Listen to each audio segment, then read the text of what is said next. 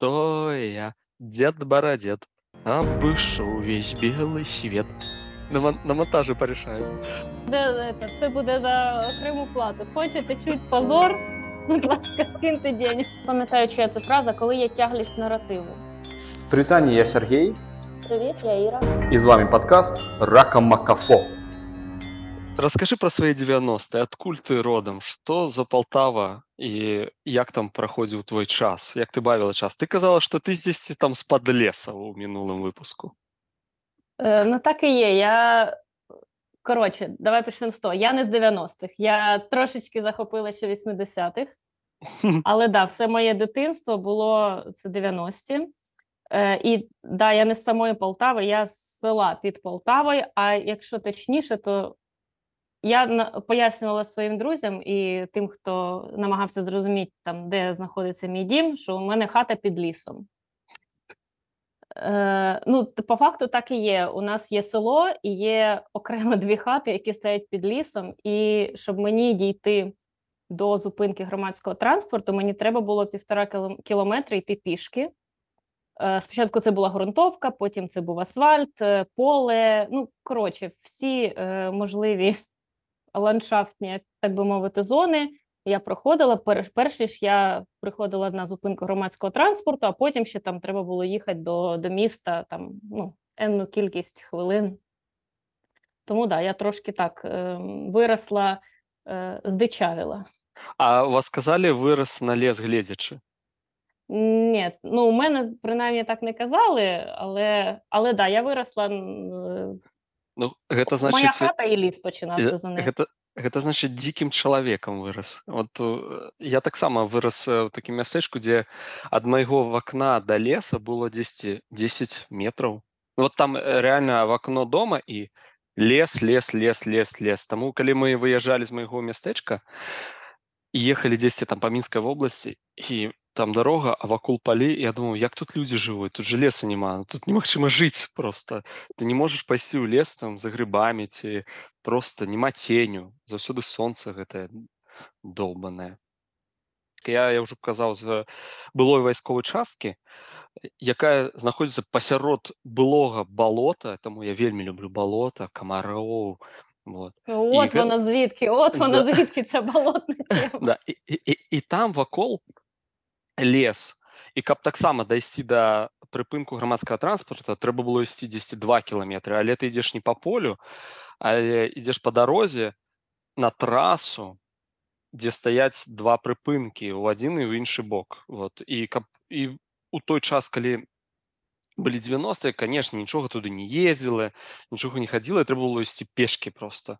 Я памятаю што гэта было такое трошку прыемная вандроўка потому что ты просто ідзеш пешкі вельмі доўга але можна падумаць Ну да, ти йдеш довго, плюс в тебе немає як зараз. Зараз я коли ходжу пішки, в мене є е, навушники, в мене якийсь там подкаст чи відео, я щось слухаю, або ну, з кимось говорю по телефону, тобто я чимось себе займаю, щоб корисно провести цей час. А тоді, да, ти півтора кілометри чешеш пішки, плюс коли, коли була зима, це взагалі була жесть, бо е, останні 300 е, метрів до мого дому це поле з двох сторін, і його перемітало. І було таке, що нас замітало так, що туди нічого не проїжджало, нам не прочищали дорогу, бо це 90-ті, ну всім було Мгм. трохи не до того. І ми буквально йшли через замети. Тобто ти могла йти, в тебе там по коліно снігу, або там ще щось, або взагалі, коли це замерзало, можна було йти от по цій корочці. Ну, коротше, такі дуже хардові Мгм. часи були. І зараз я коли це згадую, здається, що це взагалі якийсь треш. А тоді ми це просто сприймали як реальність. Ну, типа, мені треба йти в школу. Ну, О, от розкажи треба про йти, школу. є задача, і все. І ти ходила в школу в Полтаву? Е, да, я ходила в школу в Полтаву, бо е, школа в моєму селі тоді вважалась не дуже ок. Угу. Е, і мої батьки вирішили, що треба віддавати десь ну, в якусь хорошу школу нормальну. І віддали мене до знайомої вчительки в перший клас. Угу. Райончик такий собі був, знаєш, як а, ну, такий, коротше, з стіпочками. Стіпочками райончик. Е, але потім я, я там провчилась до, до ну, середньої школи я там закінчила, і вже в старшу школу я перейшла в ліцей, там вже вступала по екзаменам. Ну, приблизно, мабуть, як і ти, да? що ти закінчував школу, а потім йшов в якийсь там luxury ліцей. Да, так і було. Адзінае, што я не ездзіў у школу у район, бо до раёна мне трэба было яшчэ 20 кіламетраў ездзіць і кожны день так не наездзіся. А у мяне дома была одна школа, дзе было два класа на паралелі, особливо выбару не было куды хадзіць. Вось Таму я адхадзіў 9 класаў туды і галоўная мая мара была проста зваліць адтуль, бо я бачыў, ува што пераўтвараюцца людзі, калі доўга жывуць у такім мястэчку. І мне перспектыва заставацца там э, нават у 11 клас не вельмі прываблівала, таму я хуценька хацеў зваліць і па- паступіў таксама па іспытах у лакшары ліцэй. Гэта я магу сказаць самыя лепшыя два гады маёй вучобы вот такой нейк, у нейкім сумленным узросце. Вось, якія мяне поўнасцю сфармавалі. Але канешне, горад, дзе мы самі арганізоўвалі ці мястэчка, дзе мы самі арганізоўвалі сабе нейкія забаўкі. У нас жа не было гэта маленькае мястэчка, у нас не было ні, э, ні катка, у нас не было ні э, нейкага парка, куды мы маглі схадзіць. Ну, вот, пры- ты можаш сабе уявіць, была вайсковая частка, дзе ёсць школа, дзіцячы садок, вот, лес, нейкая там копанка. Э, і вот што мы рабілі самі? Мы самі сабе э, рабілі футбольнае поле. То есть мы, мы вот арганізоўваліся, як э, дзеці, там мне нехта старэйшы казаў, так, калі хочаш гуляць у футбол, ты мусіш прыйсці заўтра, мы капаем там э, разметку, будзем засыпаць гэта апілкамі. Калі ты не прыйдзеш, ты ў футбол ты гэты год не гуляць не будзеш. І канешне, ну, я хадзіў і капаў, там насіў. Тое самае з хакеем узімку. Хочаш гуляць, ідзі чысці. Вось мы ішлі чысцілі на нашым там возеры э, пляцоўку і гулялі ў хакей. І канешне, прыязджаў нейкі там цырк у наш ДК, але гэта было вельмі вельмі рэдка, адзін раз там на некалькі гадоў. І таму весь наш такі забаўляльны побыт мы дзеці арганізоўвалі самі сабе. І як я казаў у мінулым там выпуску, вот мы там рэперы былі. Так вот, э, панагледзеўшыся фільмаў пра рэпераў, у нас было такое ўяўленне аб рэперах. Гэта чувакі, якія гуляюць у баскетбол. Каб гуляць у баскетбол, што нам трэба зрабіць? Нам трэба павесіць кольцо баскетбольнае вот проста ў сябе ў двары. Мы таксама сабраліся з маімі сябрамі з дома з майго э, знайшлі дзесьці паехалі пайшлі ў лес спілавалі э, нейкую сасну паставілі яе прымантавалі гэта зрабілі самі шчыт гэты вот э, баскетбольны дзесьці там знайшлі нейкія цвікі балты і самі зрабілі сабе пляцоўку. Ну праўда з былой э, стаянкі аўтамабільнай але окей там пасля там ніхто не мог паркавацца.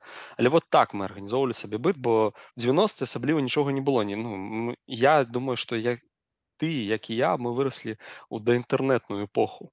Я глядзеў тэлевізор да э, вельмі шмат глядзеў тэлевізор асабліва там серыялы нейкія але вот такія актыўныя э, ад, адпачынак мы арганізоўвалі самі сабе вельмі цікавая таксама гісторыя которая хацеў тут расказаць як у нас быў кружок по каратэ у школе. Можешь сабе уявіць маленькая школа з'явіўся нейкі трэнер трэба каб ён прыехаў туды бо ну, хто там караціст з'явіцца Вось і прыязджае аднойчы трэнер мае бацькі такія так серы будзеш хадзіць на каратэ я так і ну не асабліва аматары гэтых э, баявых мастацтваў але окей пайду ну калі бацькі просяць пайду трэба было плаціць за гэты кружок і вот мы там пахадзі ходзім ён там нас навучыў удар цукі стойка хіпадачы калі б зараз я стаяў я б табе паказаў як гэта выглядае там ката 1 ката 2 пасля ён збірае грошы і знікае я быў такі шчаслівы што што просто гэ- гэтага каратэ больше не будзе а мае бацькі такі «М, махляр махляр але я быў шчаслівы бо на гэтай каратэ больш не хадзіў ніколі Знаєш, може, і треба було походити на карате. ну не ведаю мне пасля я ў універсітэце хадзіў на барацьбу класічную гэта мне падабалася бо там можна там не было удараў там можна было борацца там адзін аднаго кідаць это было весялей чым там просто біць я тут сказаў серыялы э, і мне цікава просто што у вас паказвалі калі мы глядзелі адное можа мы адно і той ж глядзелі насамрэч Ну, так, да, я ж е, коли готувалась, я згадувала, що, що взагалі ми дивились. А, до речі, про, про гульню, да, про те, як ми гуляли. У нас е, графік наших е, якби, е, гулянь на вулиці, ми це називали вийти на вулицю, да, Мгм. якщо ти гуляєш там зі своїми сусідами, підлаштовувався під е, показ того, що ми дивились по телеку. Наприклад, так, зараз я дивлюсь Вольтрон, я не знаю, чи в тебе був цей мультик Вольтрон, там, де вони е, якісь роботи утворювали одного робота. А зараз я утворюю голову тигра, там щось коротше. Ні, у нас такого не е, було, не пам'ятаю. якийсь такий мультик, типу, з, з- ну, фантастика з техно. І от, типу, так, зараз у мене мультики, а потім, типу, ми виходимо гуляти. Ну, тобто, все підлаштовувалось під, під телек. Але Ну, при- теж, ну, типу, все було е, по-домашньому. Якщо у мене в дворі були в основному одні хлопці, то що, то я е, фактично за більшістю пішла і ми грали в футбол. Хоча я теж не дуже це любила, але ну, типа, приходилось. Ну, От. ну добре, а А- як ви розважалися? От, е, ну, окрім футбола? Ну, після от, розклад мультиків ви трапляли? Що ви робили поміж мультиками, окрім... Коли я навчилась їздити на великі, їм стало цікавіше моїм сусідам зі мною е- контактувати, бо я могла їздити з ними на великі, і у нас була забава одне літо. У нас хтось спиздив у сусіда рубіроїд, і ми вирішили, ми вирішили, що ми сищики, і ми, типа, будемо їздити по селу і дивитися, в кого будується будинок і де там рубіроїд лежить, і ми будемо вичисляти, хто типа спиздив рубіроїд. Ну, відповідно, ми нічого не вичислили, але е, оці, оце літо, коли ми їздили, дало мені розуміння мого села. Тобто ми об'їздили все село, якісь там дальні вулички. Тобто я своє село знаю завдяки тому, що я колись шукала чувака з рубіроїдом. З- Взимку це санки були. У нас був такий яр, ну невеликий, і ми туди просто їздили кататися на санках. Е, Робили трамплін? Ну, от на санках Робили, але я каталась тільки по прямій. Я аднойчы на трампліне ну паколькі вайсковая частка там вельмі шмат калюшых дроту і аднойчы я спускаўся на санках і пад калюшы дрот заехаў і парваў поўнасцю сабе штаны куртку. А я такі як франт любіў хадзіць прыгожа апранацца там новую куртку і маці моя такая кажа ну што сынок зашываем новую куртку і новую куртку мы табе больш не купім бо грошай няма сынок з гэтага часу я зразумеў чаму мне бацькі заўсёды апраналі нешта паганае на вуліцу З фільмів чи з серіалів були Бафі, переможниця вампірів. Ну, было ў нас, але я сваю спецыфіку магу расказаць тым, што у мяне дома гэтага не глядзелі, бо гэта пэўна ішло па нейкім канале, который у нас не ішоў, бо я ж казаў, што ў мяне дома э, гэта таксама спецыфіка, якую трэба дадаць у наш э, падкаст, бо я думаю, у вас таксама так было. У нас куды павернеш антэну, бо вылаж все аналагавае, туды і ты каналы і паказвалі. Вот у мяне дома было мы з бацькам ставілі на версіі антэну круцім, а маці ўнізе на першым паверсе. Яна такая паварочвае і кажа: так, валік, ідзе. Бацька так, паварочваем на жлобін, значыцца. Такая ну клікай каналы, маці клікае там ідзе умоўна шло э, беларускі канал, ішло НТВ, умоўна кажучы. А калі павернеш на гомель, то ішло э, першы канал і э, БТ. І вот я жыў паміж гэтымі двумя светамі, куды павярнуць антэну, а паколькі хадзіць на пяты паверх на страху было цяжкавата, то гэта было паўгады тое, паўгады сёе. І так я мог не трапіць проста на бафі, бо яна ішла па іншым тэлеканале. Блін, це офігенна метафора. Знаєш, куди антенну повернеш, в тому світі ти і живеш. Ну, Е, да. ну, у нас теж було покрутити антенну, така штука була, бо воно теж погано ловило, бо знову ж таки я жила біля лісу, хто знаде. Але Бафі це типу був. Е, я вважаю, що це напевно перший якийсь феміністичний наратив в моєму житті. От Бафі, яка сильна діваха, яка там всіх лупаше, цих вампірів на каблуках ходить і так далі. Ну і плюс там всі жінки відьми, Ксена, Угу. е, Нікіта, оці всі там такі героїчні, героїчні серіали. І ти от називаєш гэты серыялы, я іх всіх памятаю, але на жаль, я асабіста іх не глядзеў, бо от я вырас у, э, у свеце, дзе антэна магла быць павернута на той э, бок, дзе гэты тэлесерыялы не ішлі. Вось. Ну, до речі, у нас також це ж я називаю іноземні. У нас було багато російських е, серіалів і фільмів. І я говорила нещодавно зі своєю подругою, щось ми теж за це зайшла мова. і Вона говорить, що у нас же ж не було серіалів, от, оцих от російськомовних, які б несли нормальні цінності. Да, да. Тобто, якщо подивитися на те, які ми серіали російські дивилися, я почала їх виписувати. Там оця улиця розбитих фонарей, Угу. що там ще було в нас? Е, ці солдати, потім Мгм. кадети чи кадети-солдати в якомусь такому порядку. Потім що ще було? А, бригада. Угу. Е, ну і день народження буржуя я теж зараховую до російських, бо він такий спільний був україно-російський серіал.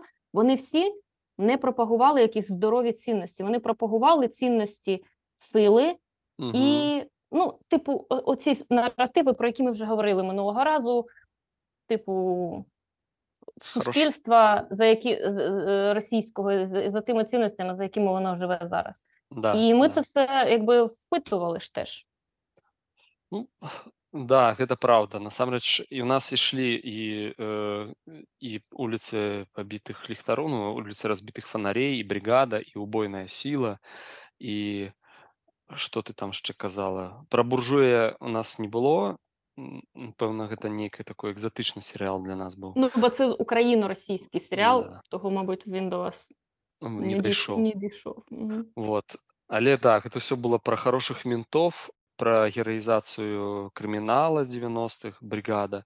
Хаця гэта хаця ўжо і пачатковыя двухтысячныя і я насамрэч брыгаду не застаў, бо я ўжо паехаў вучыцца ў мінскі, у меня ўжо тэлевізора не было. Але я вяртаўся да сябе дадому, калі там на канікул ці на выходны і бачыў сваіх аднакласнікаў, якія глядзелі гэта і яны літаральна за паўгады сышлі з нармальных людзей у нейкі вот гераізацыю крымінала. Я бачу, як яны камунікуюць паміж сабой, якія э, яны там каштоўнасці абараняюць і э, транслююць. І гэта для мяне было цяжкавата, бо я не разумеў гэта ну типа, што за фігня нейкая сяброўства ж крыміналам не можна неяк замацаваць. А вот там гэта так транслявалася прынамсі сярод маіх сяброў, хто глядзеў гэтыя фільмы, там хадзілі брыгадаўскімі фразамі размаўлялі. Ну, Вот. на жаль, да, на жаль, у нас, ну, я вважаю, що це серіал з точки зору якоїсь там пропаганди і от формування якоїсь потрібної свідомості, він шикарно, дуже якісно зроблений, бо ну, Да. всі ридали за цими героями, і воно так, ну, типу, ця с- історія їхня так побудована, що ти прям, ну, ти співпереживаєш їм, ну, а, от, а критичне мислення, воно якби не дуже розвинене в нашому регіоні, то Да. заходив просто на ура цей серіал і формував те, що мав формувати, на жаль. І зараз, ну, типу, ми вже ретроспективно думаємо, ну, якби не дуже це все було. Ну, я, Вот. я, і тад, я і тады ўжо разумеў, што гэта лайно. Бо я бачыў, як людзі змяніліся вот, вот літаральна за паўгады, бо я не глядзеў гэта і прыязджаў дадому і бачыў маіх аднакашнікаў, якім было окей там спіздзіць штосьці, бо гэта было па паняццях. Вот. Якія паняцці? Ну, братан, табе 16 год. Але гэта было і было ця... мне было цяжка гэта ўсвядоміць. Хаця я там нічым ад іх асабліва не адрознівся. Да, я там быў выдатнік, да, я добра вучыўся, але ну, ну і што? Ну, мы хадзілі разам на тое ж самае возера, разам капалі разметку, разам там хадзілі ў лес, каталіся на лыжах. Але паўгады адзін серыял і прычым яно патрапіла на такі ўзрост, калі вот ты як асоба фарміруешся вельмі моцна. Вот 16-15 год, прынамсі ў маім выпадку гэта было. А, Я так э, хочу сказаць, я там таксама калі рыхтаваўся глядзеў на серыялы свае, у мяне гэта ўсё бразільскія серыялы пра каханне, там ну мыльныя оперы. Вот не таму, што это моя маці глядзела, да моя маці не глядзела асабліва гэтае ўсё. Яна просто на фоне ішло, але мне падабалася. І вот у мяне з 90-х э, такое ўражанне пра Бразілію як вельмі багатую краіну, дзе жывуць э, людзі ў вялікіх дамах, дзе людзі розныя, яны кахаюць аднаго, там інтрыгі, все такое. Але самае галоўнае, што гэта вельмі багатая краіна. Вот, бо серыялы былі вот такія пра бага, пра багацею, пра мяснога караля, пра малочнага караля, там да, да, вот дагэтуль памятаю гэтыя імёны. Бруно Медзенга, малочны кароль ці мясной кароль. Вот Антоніо Лунаці, гэтыя героі, яны дзесьці сядзяць у мне вот там унутры галавы. Рут і Ракель, дзве сястры. Вот гэта, гэта ўсё адтуль, таму што я, я глядзеў і некаторыя там жарты нават адтуль э, растуць. Але гэта ўсё было бразільскае і да, мы таксама па раскладзе хадзілі. Але я гэта глядзеў проста таму, што ну, мне зрабіць урокі было вельмі хутка, я такі о, што робім? Ну там Окей, бразильскі серыял скелет трапіканкі глядзім. Ну, я От. із бразильських серіалів пам'ятаю тільки Дикий ангел з Наталією Рейро, по-моєму. І ну, це не бразильський був, а мабуть, це якийсь інший серіал. Аргентинський. Е, да? А, ну Да. окей, ти, ти більше експерт. І ще ми дивились цей буремний шлях. Це я пам'ятаю. Буремний шлях, Ребел ДВ, і всі пісні знали на пам'ять, переписували їх там собі в пісенники. Е, ну і я вважаю, що цей серіал для підлітків він нормальний, бо він ну ніс Мгм. адекватні цінності. Там піднімались важливі теми, там батьки, діти, якась там згода на секс, булімія, і ну от от ця вся штука, яка дійсно для підлітків була. А, а і ще у нас був серіал, я не знаю, це 90-ті чи це вже 2000 клон. Ішов серіал. О, да. У І в мене, у мене бабуля дивилась це. Коротше, коли я приїжджала в село, жаді. у нас просто все село, всі оце е, бабушки, які жили в цьому, ну, хутір, це більше не Мгм. село, там, де моя бабуся живе. І вони такі пішли дивитись на клон. На клон пішли дивитись, і в них все, ну, типа, робота ставала. Тобто, що б ти не робила, там поралась ти, там, я не знаю, курям давала, свиням давала клон, все, всі розійшлись дивитися клон, тоді вони всі сходяться і обговорюють. Я не знаю, що їх це так чіпляло, бо це ну, якби не наша культура, але вони просто це якийсь був такий феномен, що це самий популярний був серіал серед, серед от, е, оточення села, де жила моя бабуся. Ну, не толькі, вот я таксама памятаю гэты серыял, і гэта нават мае аднакласніцы вельмі любілі. Да, там вельмі добра пабудаваны па-англійску это называется плот, вот сюжэт, да. Э, Мгм. калі ёсць дзве дзяўчыны, яны падобныя паміж сабой, адна такая загадкавая ўсходняя дзяўчына жадзі. Вось і ёсць нейкая такая развязнасць дзяўчына і ёсць нейкі адзін мужчына, які блытаецца ўвесь усё сваё жыццё вот жыццё мужчыны гэта блытаніна вот ён не разумее што рабіць каго ён кахае вот і гэта ж зразумелая гісторыя для кожнага таму я не думаю што там э, эстэтыка прываблівала але гэта чапляла кожнага бо там вельмі проста ўсё паказана што ёсць мужчына які паблытаецца ёсць дзве прыгожыя жанчыны якія захопліваюць гэта усіх і вакол гэтага ўсё круціцца. Вот у нас таксама ўсё вымірала і але гэта вымірала нават сярод маіх аднакласніц там нам было па 14 год я думаю ці 15 ось. Это пачатковыя двухтысячныя я думаю. Вот. Ну, я не пам'ятаю вже точно, але ну блін, це е, знаєш, виховували нас е, в, в канві драма Queen. Так? Мгм, да Нормальні стосунки, ні-ні-ні, мені треба якусь драму, якийсь треш, якогось одного мужчину, за якого там всі будуть ходити, якогось урода, який буде вести себе як скотіна зі мною, і тоді Да. я буду, і тоді це любов. А якщо нормальні стосунки, ну це типа скучно. Ні, такий чувак мені не підходить. Ну, ці ж серіали, вони ж про це, вони ж да тому що я колись дивилася, не пам'ятаю, що, ем, де пояснювали ці, як створюються серіали, сюжетні лінії, і що вони пояснювали, що нормальні, адекватні е, стосунки і взагалі нормальне, адекватне життя не цікаве для серіалу, бо там немає якогось драми, накала і так далі. Тобто нам Да. все, що ми дивимося, це все неадекват. Але ми його Мгм. копіюємо, хочемо і, і думаємо, що це адекват, і що так треба жити, а так не треба жити. Мінутка э, психології. Да. У нас ще было э, была такая у Беларусі, прынамсі у 90-е гады цікавостка. Это французская мяккая сіла, французскі міжнародны канал і яны праз вось гэты французскі міжнародны канал таксама паказвалі серыялы мультсерыялы і урокі французскай мовы кожны дзень. І з гэтага я таксама на гэтым трошку э, чаму я гэта ўзгадваю, таму што мяне гэта зачапіла да, з э, розных бакоў.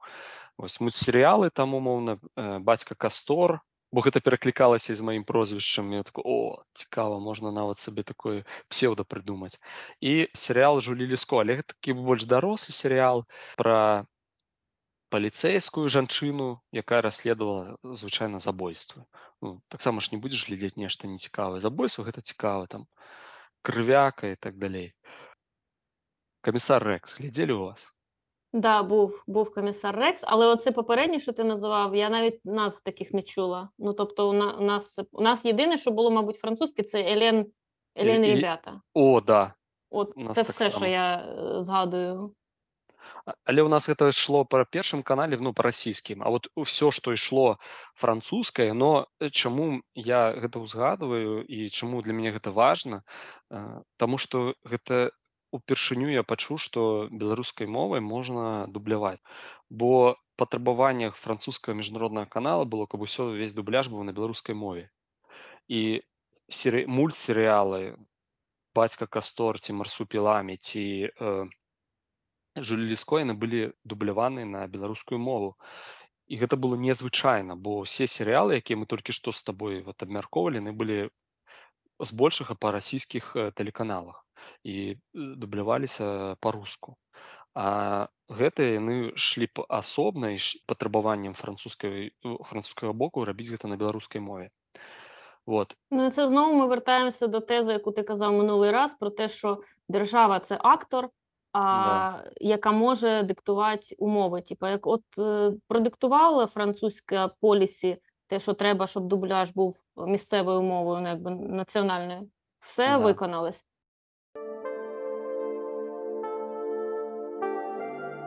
Я забула слово. э, давай вертаемся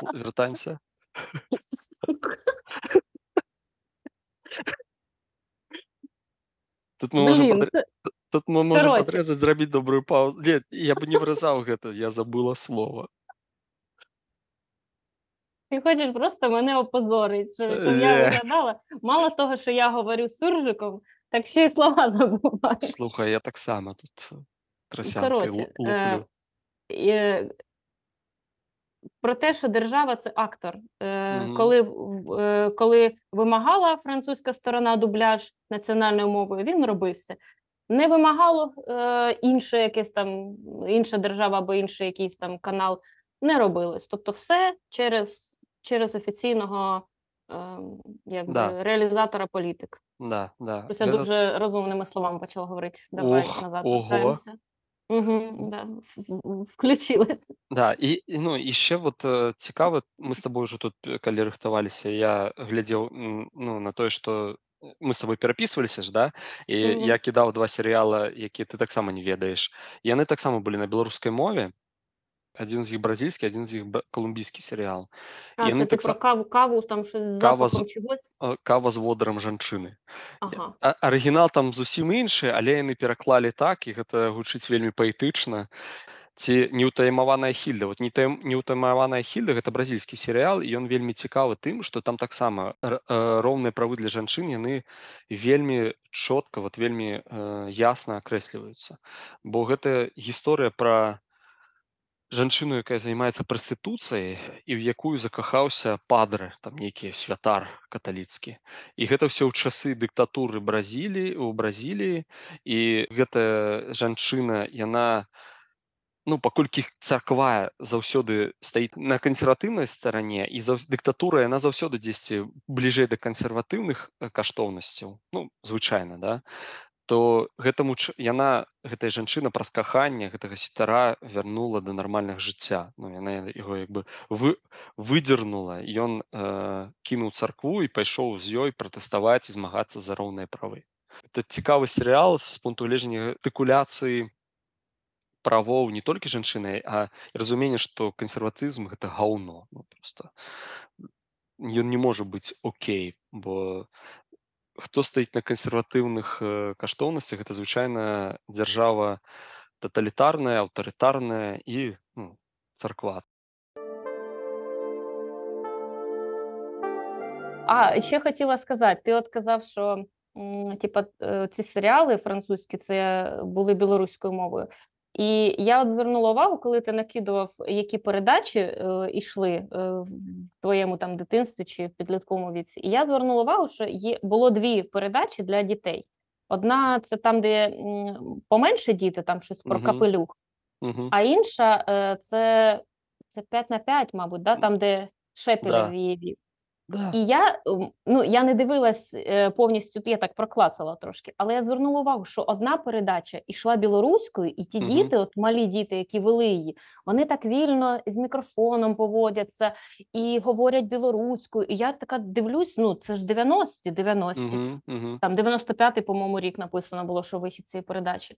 І тут же я дивлюсь, що кінець 90-х, оця передача для підлітків, уже все йде російською. Чого Да. так? Гэта парадокс, але бел- але э, самая жорсткая русіфікацыя, якая прайшла ў Беларусі, яна адбылася за часы э, улады э, Лукашэнкі. Сюрприз, сюрприз. Да, і нават у БССР э, было больш беларускасці. Да, там гнабілі людзей за беларускую мову, калі яны прыязджалі ў гарады. І Вот я ўжо расказваў пра прыклад сваёй маці. якая вымушана была вывучыць рускую ў 16 год і там і дэмаграфія была іншая больш было вясковага насельніцтва але прынамсі тэлебачанне і радыё быў і друк афіцыйны ён быў увесь беларускамоўны А вот усё змянілася за часы лукашэнкі і папулярная культура любая папулярная культура на беларускай мове не прапагандавалася не падтрымлівалася і вось гэты гэтае плыне рускамоўна контенту з рассіі рускамоўна беларусі ёсць там беларускія школы ёсць рускія школы ёсць беларуская мова і ў рускіх і ў беларускіх школах але універсітэт все універсітэцкія праграмы на рускай мове. І таму дзеці старэйшага ўзросту хутчэй за ўсё будуць размаўляць больш на рускай мове. Сумленна несумленна яны рыхтуюцца да таго каб пайсці вывучыцца універсітэт гэта одна штука. А другая штука у 90 у першыя гады 90-х калі Беларусь стала незалежнай фармальна то беларускія ўлады в першыя гады яны вельмі хутка запусцілі беларускую школу. Просто амаль што ўсе школы перавялі на беларускую мову. Все мои сябры з которыми я зараз маю зносіны яны пачыналі у беларускамоўных школах. Але пасля паступова гэтай школы перарабілі на рускія ось таму у 90 дзеткі хутчэй за ўсё размаўлялі все на беларускай мове. І паколькі школа была яшчэ і заставалася гэтая традыцыя беларускамоўнага вяшчання на, на, на тэлебачанні і э, традыцыя беларускамоўнага вяшчання на радыё а дзесьці пасля рэферэндума 95 -го года калі который меў кансультацыйную моц і беларусы фармальна прагаласавалі за тое каб надаць рускай мове статус дзяржаўны змянілася заканадаўства і все пашло паехала таму на пачатку двухтысячных уже можна заўважаць такую тэндэнцыю што дзеці 16-15 гадоў яны не будуць размаўляць по-беларуску хаця там 10 гадоў там таму ці там 6 гадоў таму яны былі цалкам беларускамоўныя то вот літаральна за 5-6 год адбылося ну пасля ўжо уже просто ты гэта, гэтая тэндэнцыя на настолькі далёка зайшла што яе змяніць можна толькі вот уведзеннем адной дзяржаўнай мовы падтрымкай адной дзяржаўнай мовы матываваннем дзяцей і бацькоў размаўляць там я не ведаю плаціць больш беларускамоўным настаўнік але гэта вот я паўтаруся русіфікацыя самая хуткая у часе яна адбылася за часы лукашанкі яна адбылася літаральна там за 5-6 год Ну і, і от мені б хотілося, щоб наші просто в Україні, на щастя, такого не сталося. Ну, критично, так так сильно русифікація не пішла так далеко, як пішла вона в Білорусі. І, мабуть, того у нас досі йдуть оці, е, я їх називаю ворожі наративи про те, що ми вибрали русський язик, ми вибрали mm. на ньому говорити. Ну, ніхрена ми не вибрали. Yeah. У нас він був за замовчуванням. Нам просто треба було цю галочку зняти, ми її не зняли. Yeah. І ну, типа, нам дуже пощастило, що е, в 90-ті не не відбулося умовно такого самого референдуму в Україні, і е, ну, я сказала, да, що університети були українською. Е, ну, я трошки злукавила, можна так сказати. Були і є зараз викладачі, які все одно намагаються викладати російською. Mm. Але принаймні офіційно все було українською, програми українською. Ну, тобто, хоча б офіційна ця політика була українською. Да, були ті, що читали російською. Ну, принаймні, хоча б не на філфакі, е, там де я вчилась, але на інших факультетах, я думаю, так, особливо там якісь, можливо, інженерні спеціальності, технічні. І ну, мені здається, що людям в Україні зараз трошки треба перестати е, жити в цих рожевих окулярах, що ну нічого страшного не трапиться. Ну, трапиться. Якщо да. це трапилось за 5-6 років, як ти говориш в Білорусі, то це може так само за 5-6 років трапитись в будь-якій іншій країні. І я говорю зараз не тільки про українців. Ну на жаль, нас не, не зрозуміють, якщо навіть намагатимуться послухати якісь люди з інших е, країн з радянським минулим. Дякую, што даслухалі дасюль. Мы маем магчымасць рабіць гэты падкаст толькі дзякуючы сілам обороны Украіны. Сёння сілы обороны Украіны змагаюцца з абсалютным злом і мы маем іх падтрымаць не толькі словом, але і еўрам. Закіньце сваю філіжанку кавы. На фонд павернись жывым. Яны вельмі эфектыўна працуюць вайсковымі патрэбамі. У тым ліку і ў тых падраздзяленнях, дзе служаць беларусы. Так вы падтрымаеце і беларускае змаганне за свабоду. Спасылка на збор у апісанні. Что вы Так. глядели на VHS кассетах? А, На VHS записувалися е, поверх всяких фільмів, типу бойовичков, записувались якісь е, дитячі свята. Ну, у мене в основному на VHS зараз всі мої танцювальні конкурси, е, М. бо тоді записувались на камеру і переписувались по 100-500 раз. Або дитячі якісь там, я не знаю, випускні або ще щось. Але е, ні, я ще дивилась Гаррі Поттера на VHS. Це я починала. Угу.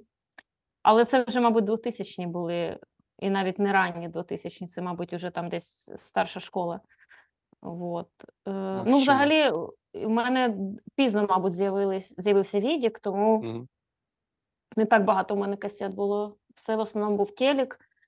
Бо по телеку багато йшло. І всякі там мультики, типу якихось там серіалів, цих Альфа і всього Мгм. такого. Причому Альф був в українській озвучці на ICTV. Да. І зараз, зараз е, от, якщо спитати там у людей мого там десь віку, то українська, український дубляж Альфа це просто якась це еталонний якийсь дубляж український, Мгм. який всі дуже будуть ну, називати. Пришпільно. Нас на нас є, е, я на русской мові глядів. Ну, у нас інша реальність була. Про українське ти коли сказала, що російські серіали нас вельми любили, моя, принаймні, у мене вдома вельми любили Роксолану, пленницю Султана. Я вчора, до речі, зайшов на Вікіпедію і поглядів на спіс султанів, і там написано е, син Роксолани, він був записаний як поляк, але це дивновато. Сама ж е, Настя Лісовська десь там з Полісся, по-моєму. Угу.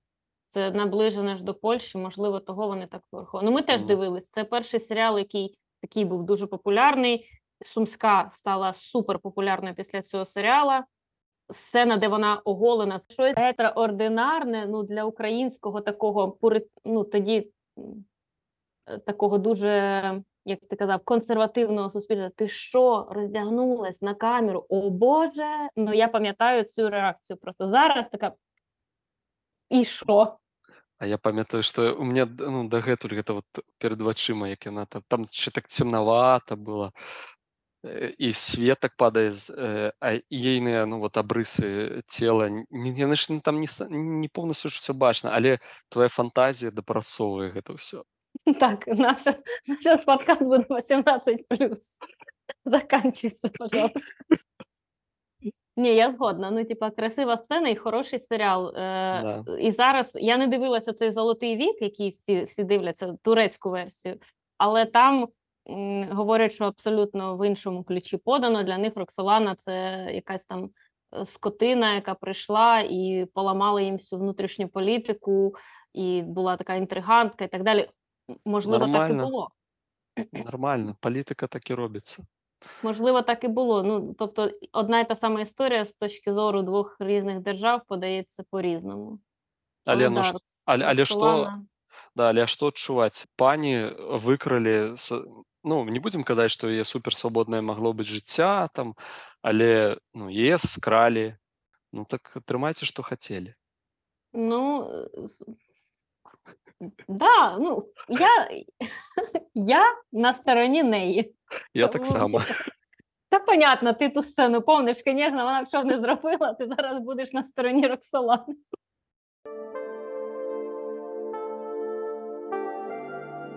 Да. А, і ще ми забули поговорити, я вже згадала його, але забули поговорити про Діму Шепілєва. О, блядь.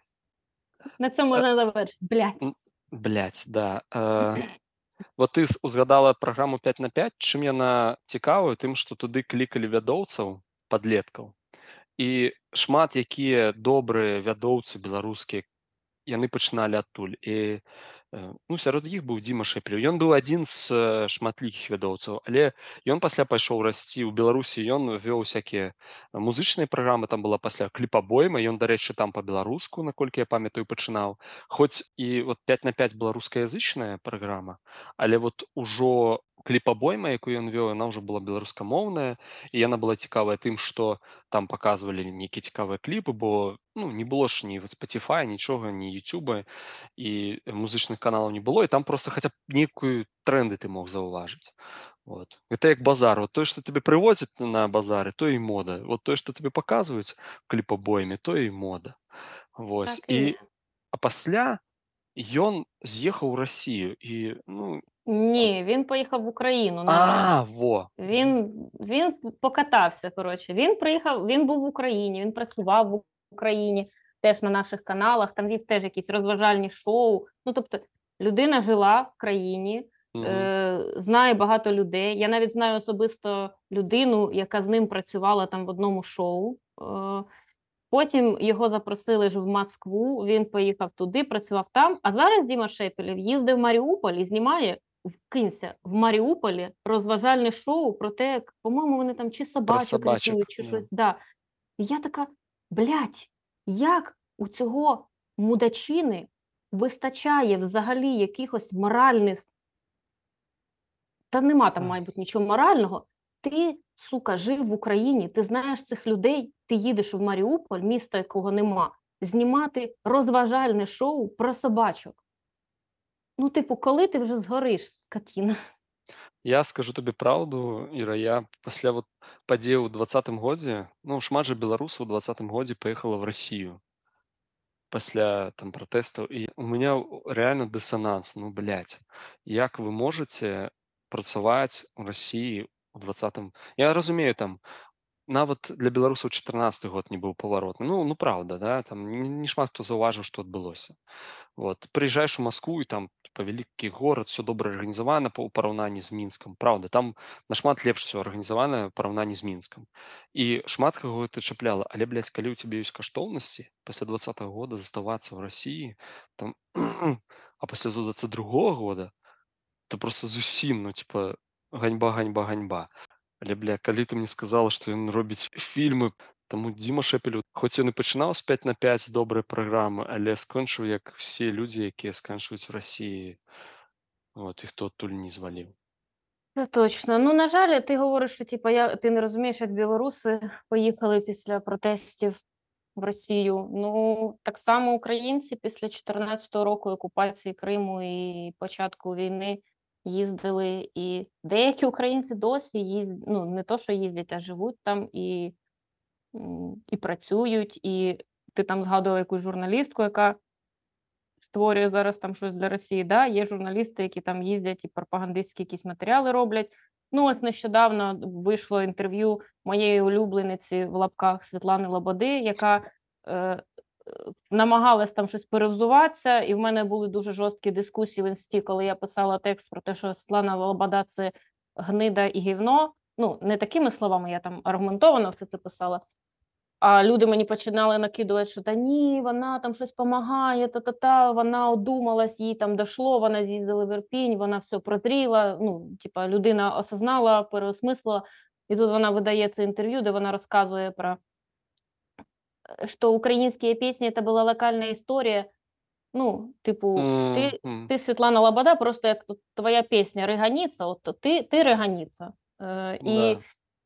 і, і я не знаю, чи, чи дошло, от мені цікаво, чи дошло тим людям, які захищали її після вторгнення, чи вони досі її захищають, чи може вони такі нарешті е, зрозуміли, що ну, Світлана Лобода це взагалі вже забута історія, це як Ані Лорак. Просто забудь і ну, якби. І це, це наш стид і сором, що, що ці люди взагалі там мають якесь українське походження і так Мгм. далі.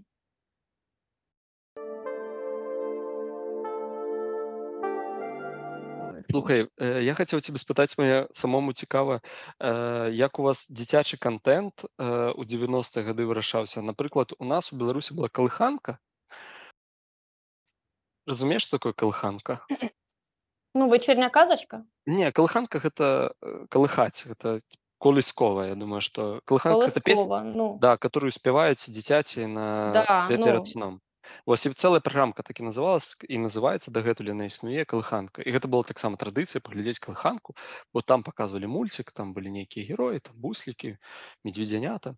І вот у гэтай калыханцы быў такі герой якога вот кожны беларус узросту 10 25 плюс будзе ведаць вот і он будзе спяваць эту песню гэта дзед барадзед Э, я магу спець каб наши слухачы натхніліся. Ну, давай. вот. То я? Дзед барадзед абышоў увесь белы свет і цяпер у гэты час завітаў да вас. Стоп. І гэтую э, песню будуць ведаць амаль усе. Ці ёсць у вас такія героі которых э, людзі ну, нашага ўзросту ці малодшага? Є такий герой, який казав: отака хуйня малята. Дзед панас Я не пам'ятаю, чи дід Панасин, чи коротше ведучий дитячої казочки, який забув, що його записують, і ляпнув це в ефірі. Ну, це такий прикол, який тягнеться вже дуже довго.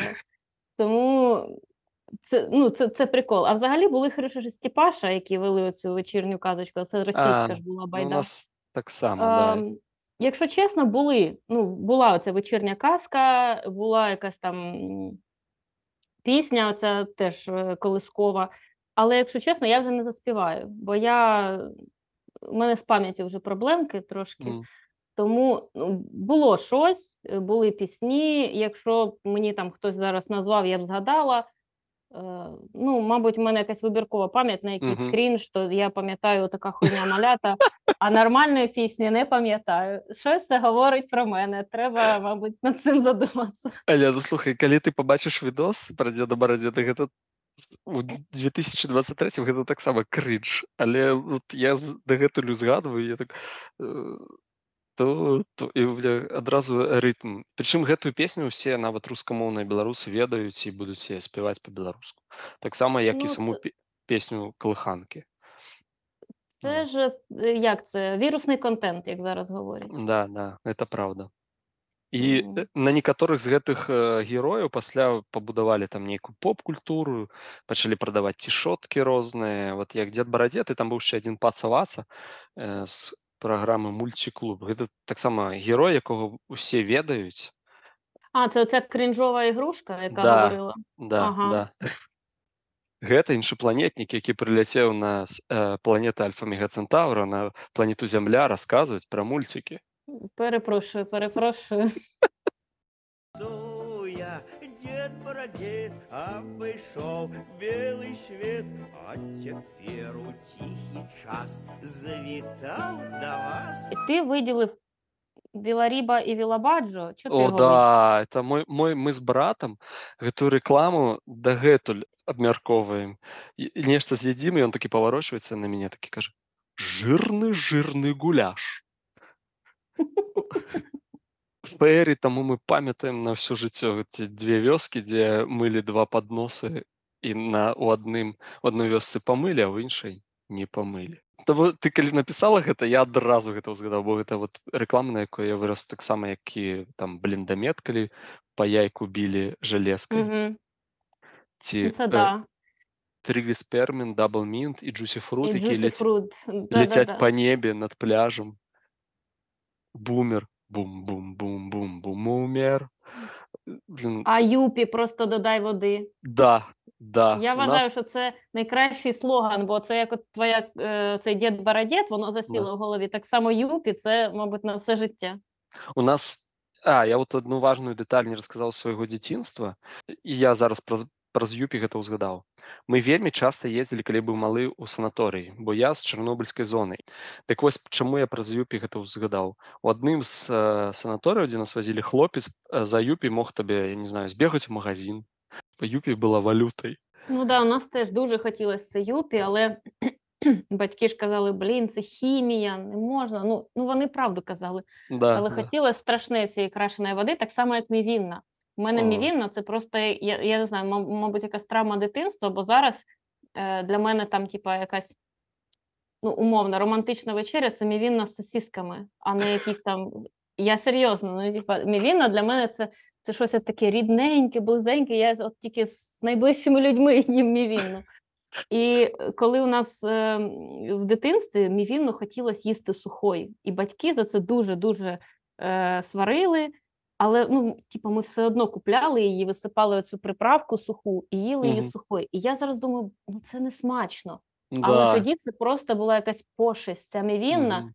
або там ще хтось додумувався нюхати цю приправку, чи ну я не знаю на що, або просто її їсти. Це висипаєш на руку і лискаєш там язиком цю приправку жорстку. І я не знаю, як ми вижили, і в нас не виросла третя нога від від цієї хімози, яку ми жерли. Але ну це якась страшна була пошесть, жерти щось, знаєш, іноземне, дуже шкідливе. А І вас того, мабуть, Кока-Кола так дуже заходила теж О, всім. да. Кока-Кола це просто був якийсь пошесть. Да, да, Кока-Кола.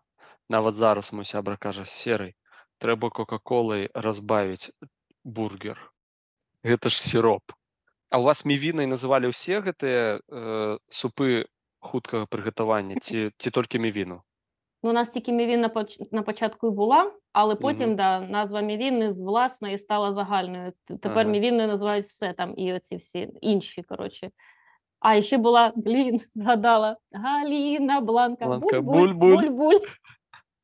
за свайго дурацкага розуму аднойчы кажу дзяўчыне ці жанчыне уже не памятаю. Кажу слухай а ты ведаеш што галіна гэта з лацінскага курыца? Яна такая на мяне глядзіць не ведаю. І ну пасля да мяне дайшло што гэта было трошку непрыстойна такое э, праяўляць свой інтэлект у такім выглядзе Свой Та, энцыклапедычны Іноді краще, іноді краще промовчить. да Ну, це не про нас.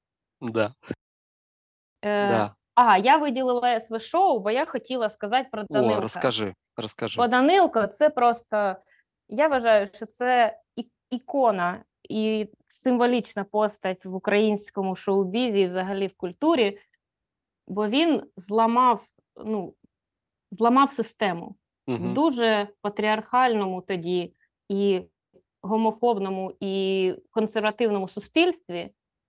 Він продавив оцю лінію, став суперпопулярним. Це по факту ну, український варіант драг квін. да да А і ну коротше, він зробив щось. Він, вийшов настільки за рамки, наскільки він міг вийти, став суперпопулярним і не став, знаєш, е, заручником свого об... ну, став в якійсь мірі заручником свого образу, бо він не зміг е, просунути себе потім як талановитого музиканта, яким він є.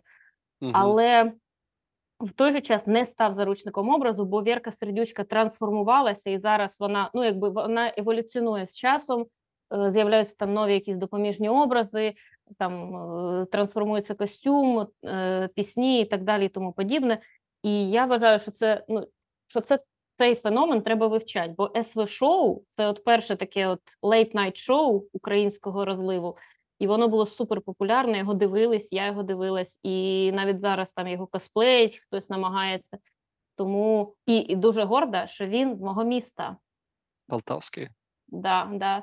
А й оця от жіночка, яка зараз грає його е, маму, я навіть знаю, де знаходиться магазин, який в її власності. і Я навіть її там бачила з її собакою, тому я за крок до зірки.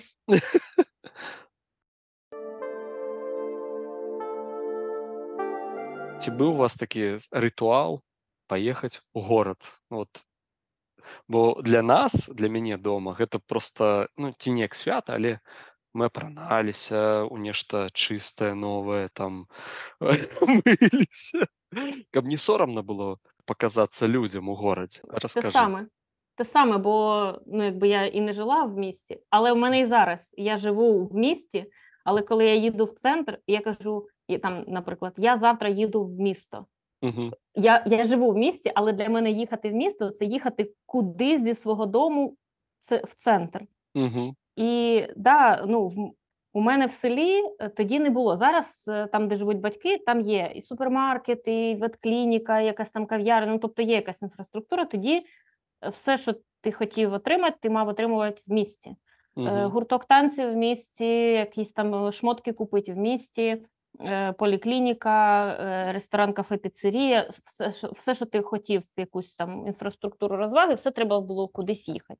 Централізація була дуже велика, тому да, всі, всі шурували, і е, коли ти їдеш в місто, то ти їдеш не за чимось одним, а в тебе якби тур. Ти Да. там на базар з'їздив купити там щось, потім там десь ще щось, і ще щось, і ще щось. І, ну, коротше, такий повний комплекс е, всього треба було зробити, бо вже раз ти їдеш, то ну, якби треба по максимуму. От. А ще плюс була проблема з громадським транспортом до мого села, бо, наприклад, коли я їздила станцію ввечері додому, була проблема о 8 вечора сісти на маршрутку. Е, і ми могли стояти, наприклад, там годину на зупинці взимку, чекати транспорт, а він міг взагалі не приїхати. Ну, типу, було дуже жорстко. Я зараз взагалі не, уявляю, як мої батьки, е, ну, мама, яка мене водила на ці танці, як взагалі вони все це вивозили, бо, типу, відвести дитину на танці, не знаючи, чи ти доберешся далі додому, це Мгм. жесть якась. Да, ты вот сказала, што гэта быў тур. Да, і звычайна мы калі ехалі, то там быў чек-ліст, што трэба зрабіць. Але да, мы ездзілі таксама, каб у шпіталь з'ездзіць, у паліклініку, ну, вялікую, да, на некае абследаванне, ці на базар, ці я ездзіў яшчэ на французскую мову, бо ў мяне ну, у школе не было французскай мовы, я ездзіў да рэпетытара э, кожныя выходныя. А чого французька мова? Таму што аднойчы я паехаў у санаторый, і там важаткамі былі студэнткі, э, у нас есть такія ў Беларусі, о, э, ВНУ называецца ін'яз. Там людзі вучаць замежныя мовы. Э, Дзяўчаты ад нечага рабіць зрабілі нейкі такі э, гурток э, французскай мовы і такія ну прыходзьце каму цікава я прыйшоў мне было гадоў 12 і яны сказалі вот лічы там ад аднаго до 10 вот так там і кажуць полтары і кожны паўтарае я паўтара а deux, trois». Яны такі, о у цябе здольнасці ты м- ты ты маеш вучыць французскую мову для дзіцяці ж это вельмі важна матываваць яны мне А сказалі ще што коли мне... тобі каже це студентка, всі Да. твої... я поняла, в тебе вплив жінок визначальний на твій кар'єрний взагалі життєвий шлях. Я э, прыехаў дадому і кажу маме мама я хачу э, французскую мову вучыць ну а што бацькам абы хацеў нешта новае вывучаць займацца і мы паехалі маці паехала знайшла настаўніцу я ездзіў кожны тыдзень э, вучыць французскую мову Вот. А другая прычына вот як мы казалі базар. Базар гэта просто было вельмі я любіў базар бо там заўсёды табе нешта куплялі новае ці просто ты мог хадзіць але гэта і пакуты былі з іншага боку бо ты становішся табе кажуць так на картоночку сюда стал так так вот тут мы меряем. Ага. Такие пронаешь там нешта яна так, ну как тебе идет и ты ж смотри это стопроцентный картон бери эту куртку ну ты же не будешь ходить там 10 разов ще шукать новое, и ты берешь эту куртку. Да, дуже важко було відмовляти, бо коли тебе нахвалюють, е, і ну, ти вже поміряв, ти вже напряг цю продавчиню, вона вже тобі ту картоночку розстелила, ширмочку, і ще плюс, коли ти ходиш, наприклад, чи літом ще нормально, а коли ти там ідеш вибирати якесь, наприклад, зимове взуття чи одяг, чи зимові якісь штани, це ж взимку роздягатися, ти вже коротше, як роздягся один раз, Да, поміряв ті штани, О, да, на, другий раз не хочеться цього робити. на морозе, Е, да. А ще коли картоночка мокренькая, то от того, что там уже все становились. А ще ж коли батьки міряєш, ще коли міряєш взуття якесь, і тобі його стараються, а ну давай я попробую, де твій палець? Бо ну, Да. тобі не довіряють, тебе питають, ну як тобі, ок, не ок. А ти, по-перше, ще не знаєш, що таке ок, не ок. А Да, по-друге, батьки ж стараються підібрати взуття так, щоб тобі не на один сезон, а ну, на Да. кілька. І, і оце тикають в цей сапог, щоб подивитися, де палець, чи влізе туди, там, наприклад, два носка, щоб да, ти там поносила це два сезони або там ще щось. да, да, да, да, да. І як ми вже з тобою обмярковали, мода ж гэта не тое, што ты там выбіраў, а тое, што просто привозили на базар. В чому І- ходили всі. Мгм. Да, да. А, а ходили все, тому, тому что на базаре продавали вот только такое. Це точно.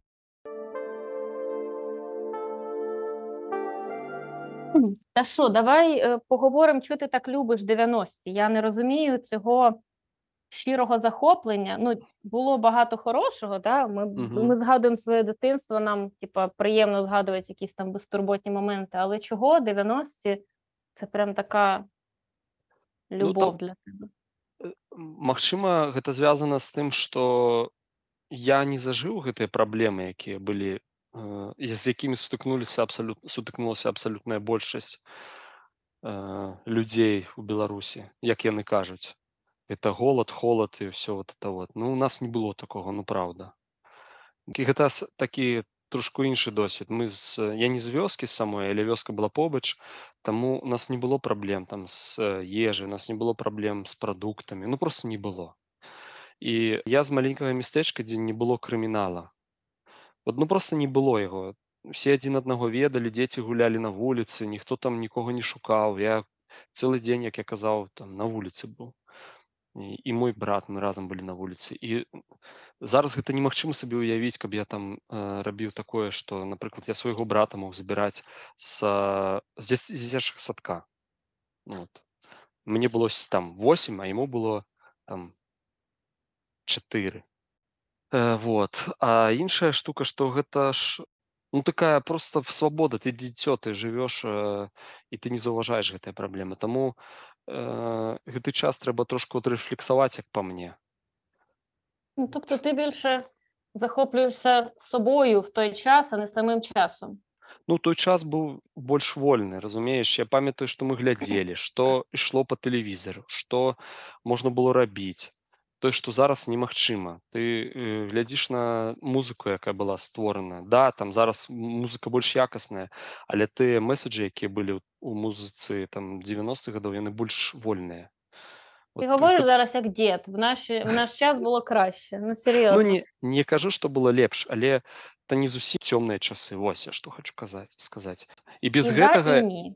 без гэтага я б не быў такі як я ёсць разумееш калі б я не быў э, калі б мы не самі арганізоўвалі сабе э, адпачынак я б не быў навучаны гуртавацца умоўна кажучы бо беларусы Ну, яны ти такі не больш знаєш, яким би ти був. Це все, як ти казав, conditionals. Да. Можливо, в нормальних умовах ти б ще більше мав е, як це, можливостей розвивати себе там і не тільки франц... ну, в тебе була французька мова, а в когось, можливо, там її не було. я про те, що 90-ті, да, це з одного боку вільний час, а з Мгм. іншого боку, е, ця свобода була дана людям, які дуже часто не вміли нею користуватись. І, Мгм. і от коли я думала про 90-ті, я подумала, що з одного боку, да, це наше дитинство, все ну, типу, позитивне, бо ми були діти безтурботні. А з іншого боку, це ж час, коли зародились наші умовні Януковичі і неумовні також. І весь цей олігархат, тобто це свобода, слеш, е, яка переходила в беззаконня. І Мгм. цю свободу використали деякі люди е, таким чином, що потім ми отримали те, що отримали в Україні, і досі це, вибачте, вихаркуємо. Мгм. І мені здається, що просто я колись слухала Євгена Глібовицького, по-моєму, це він сказав, що незалежність, яку отримали е, колишні радянські республіки, суспільство суспільства, він говорив тоді, по-моєму, про українське, зокрема, що воно не було готове до цієї незалежності, воно не знало, що з нею робити. Тобто не було такого сильного запиту на ідентичність українську, який є зараз. І от е, тому у нас оця відкладена да, боротьба за ідентичність іде зараз, бо тоді, ну, типу, просто була е, Українська е, Республіка, стала Україна. Люди не дуже відчули цей перехід.